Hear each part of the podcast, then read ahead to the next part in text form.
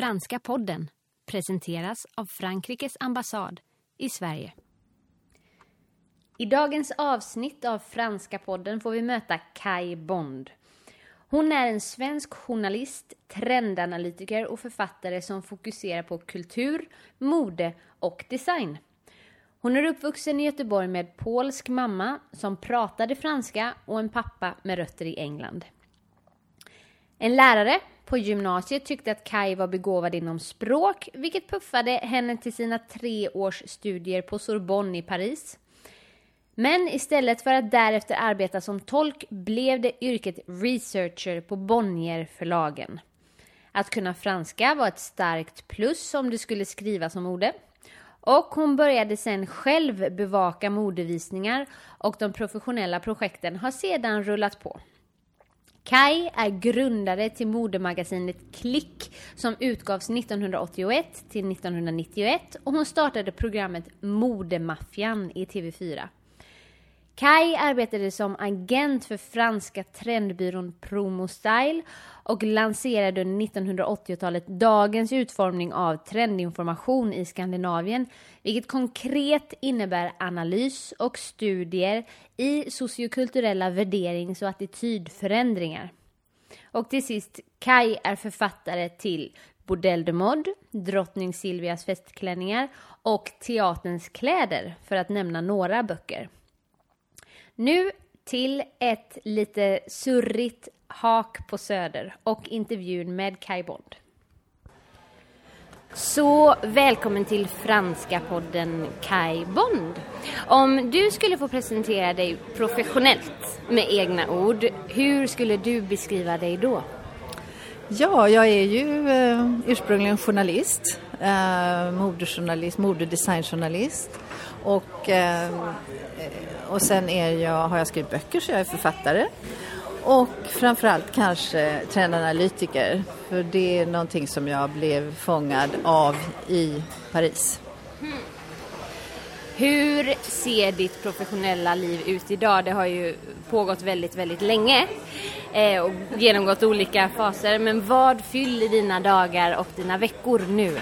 Idag, ja, alltså det är väl en eh, um, oupphörlig research kan man säga som är, ligger till grund för min vardag. Eh, och var och när jag hämtar den har gått så långt så jag vet inte riktigt när jag jobbar och när jag inte jobbar. Men Eh, det ligger liksom i sakens natur att jag observerar. Men eh, jag har alltså då ett nätverk och jag har som journalist så har jag ju då också eh, massa inbjudningar till inom kulturvärlden att ta del av allt nytt som kommer och det handlar om böcker, det handlar om konst, det handlar om film och det handlar om teater. Eh, och sen dessutom uh, on top of it alla designevenemang både inom mode och, uh, och möbelindustri eller annan form så formutveckling och det, och det är väldigt viktigt för, att följa det för min research för att förstå vad som händer och vad man gör. Varifrån kommer ditt modeintresse? Den stora frågan. Eh, ja, nu är det ju så att säga så att eh, helheten är väl viktig för mig, nummer ett. Men första gången jag förstod att mode var kultur, eller fick lära mig det, det var i Paris. Därför att man har en helt annan syn på eh, mode och design och det hör ju hemma med att det är en fransk kultur. Eh, det var ju där det skapades helt enkelt. Haute couturen var ju så att säga, även trots att det var en frans, eller en engelsman som Worth som, som eh, satte det i system så var ju haute couturen eh, visningarna där, det blev ju följ, alltså det ledde till att det blev eh, modets mecka kan man säga. Den eh, presentationen, den staden står för den presentationen, så kan man säga. Du deltidsbor i Frankrike. Hur kommer det sig? Nej men det har jag gjort också ända sedan jag, jag eh, pluggade på universitet och sedan har det bara så flyttit på. Jag började arbeta slutet på 70-talet eh, tillsammans med en, eh, en, den franska trendbyrån, den första trendbyrån i världen som arbetar med omvärldsanalysen och alla sociokulturella aspekter. Och det gjorde att jag var tvungen att vara där ofta. Så att jag har både hyrt och jag har eh, lägenhet i Paris och jag har haft ett eh, eh, sommarhus nere i Provence. Så du bor där alltså delvis, men när du reser omkring i Frankrike, har du några favoriter som du återkommer till? Det finns många ställen, men Frankrike är ett otroligt rikt land på olikheter skulle jag vilja säga. Um, jag är mycket förtjust i det äkta Provence, det vill säga kanske inte sur la côte, men Eh, däremot uppe i Luberon och eh, runt omkring Arles och Nîmes och Camargue och så vidare. Det är otroligt kulturrikt och, och, därför tycker jag om det. Men samtidigt så tycker jag om det moderna i Paris. Eh, jag gillar så att säga att man, be, alltså man bejakar kultur så mycket eh, som man gör med alla möjliga fantastiska utställningar och, eh, och när det gäller mode då alla dessa otroliga modevisningar som är säsongsvis för oss professionella. Naturligtvis är det ju då att Frankrike har blivit en stor inspiration för dig. Hur har det tagit sig uttryck i ditt liv? Ja, eftersom eh, det faktum, när jag förstod det faktum att mode är kultur och en fransk historia så har jag ju naturligtvis också det med mig i mina presentationer när jag i min tur förmedlar vad, eh, vad franskt mode är bland annat. Och eh, eh exempelvis så har jag ju länge, nästan i 20 år, så har jag förmedlat eh, nyheter ifrån modecatwalken i Paris just eh, och beskrivit utvecklingen, eh, visat olikheterna för att det finns ju, eh, när det kommer till kritan så är det ju inte två modeskapare som gör samma kollektioner utan alla är olika. Och det har jag försökt så att säga, det här med olikheter, det här med att att mode visst, det är en, det är en sak, det är, en nyhets, det är nyhetens behag. Men själva stilen och inspirationen och så vidare, den, är ju, eh, den finns ju där parallellt. Och, eh, och det har varit eh, en uppgift för mig på något sätt. Det har tillhört mitt seriösa yrke, att vara seriös i mitt yrke och beskriva vad det är som egentligen gäller. Så enligt dig, vad skulle man kunna säga att Frankrike och Sverige just har för likheter och olikheter gällande sina modeyttringar och trendkulturen? Ja, eh, trendkulturen opponerar jag mig mot direkt därför att eh, eh som sagt var mode är kulturen. Um, trender så som det behandlas i Sverige är inte tendance som det heter på franska. Det är inte tendenser utan det är någonting som är det senaste. Medan en trendbyrå bearbetar eh, trender för framtiden bryr sig inte om det som händer här och nu. Så att det är två vitt skilda saker.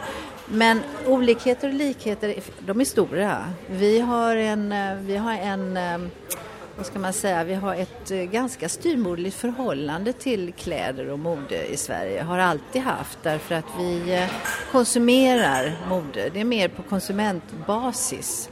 Det är inte så mycket kunskap som, som tyvärr.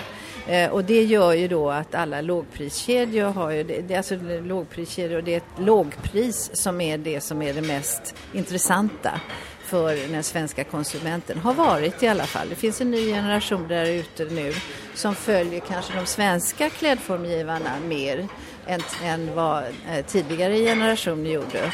Och, eh, och det är väl den stora, det är den stora skillnaden. Alltså att man i Frankrike kan sin läst som det heter, det vill säga man vet, man är uppvuxen med, det är god uppfostran att veta vad ett företag, alltså ett modeföretags eh, DNA är för någonting.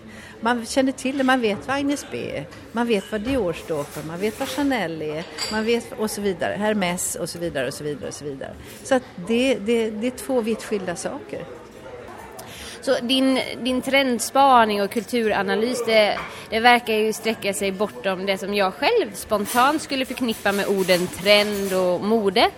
Och det som du gör, det, det sträcker sig vidare in i framtiden och, och djupt in i vår levnadsmiljö. Och jag tänker specifikt på det här, den här boken Att bli äldre, dröm eller mardröm den här antologin utgiven via Vårdförbundet. Och för den som inte känner till den boken så är det en bok som inriktar sig på äldre och kulturperspektivet. Och du Kaj, du skrev och bidrog till den här boken och åkte i samband med den ner till Frankrike med stadsarkitekter för att inspirera till nya typer av boenden. Kan du dela lite kring ditt bidrag till just den här boken och närmare bestämt då ditt kapitel som du skrev om jag inte missminner mig så är titeln Hur ska vår bångstyriga generation kunna checka in på ett äldreboende? Samt då Frankrike-resan som du gjorde i samband med det här projektet. Kan du dela om det?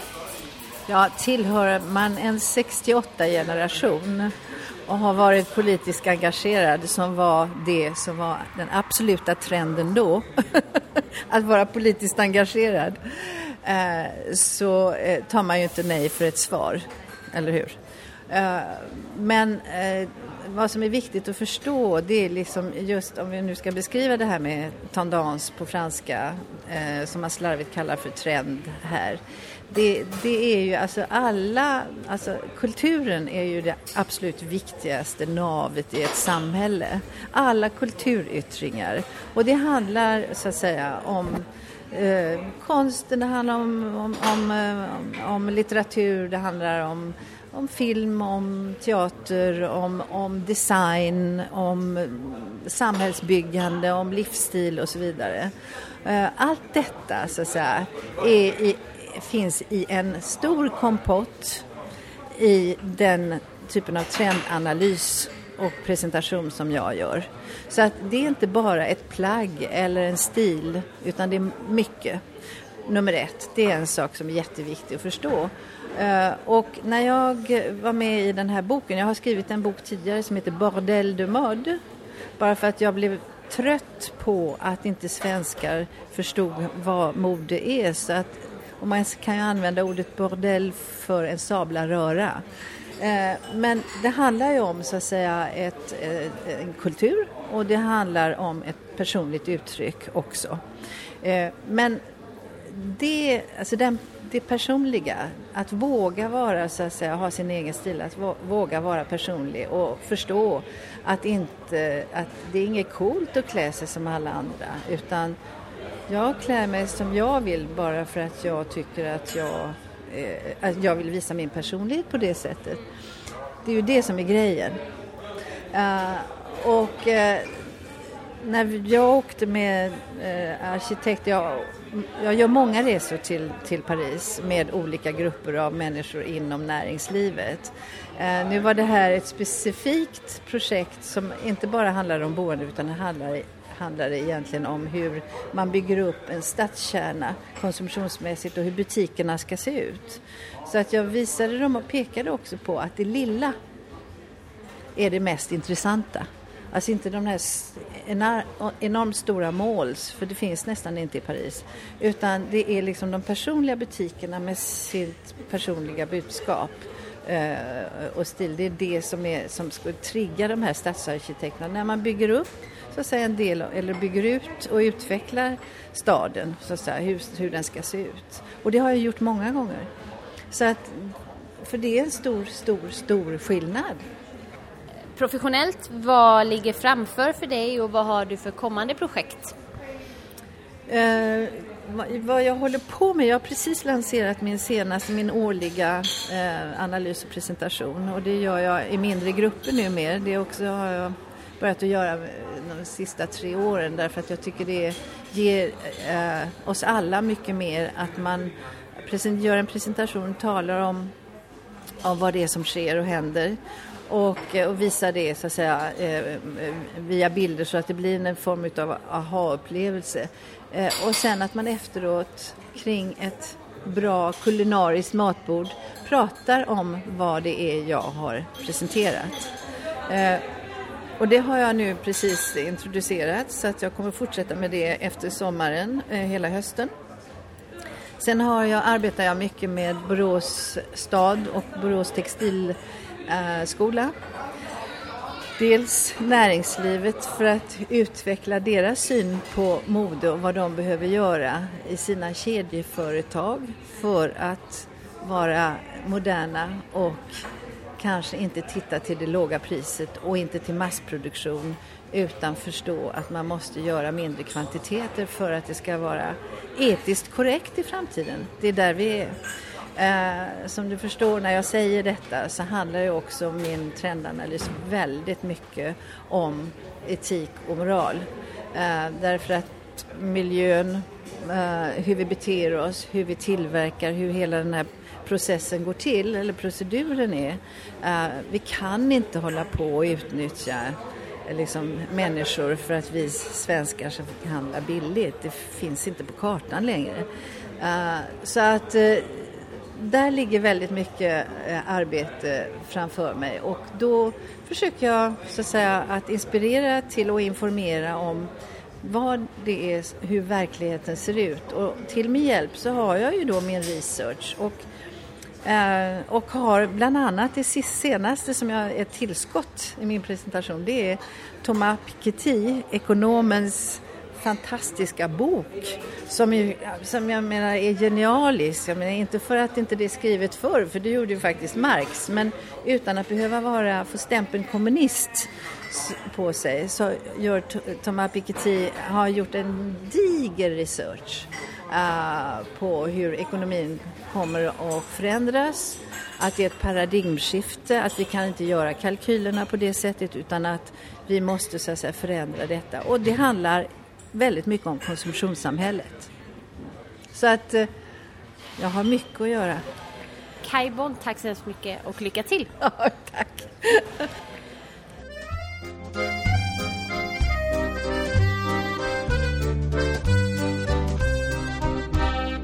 Franska podden presenteras av Frankrikes ambassad i Sverige.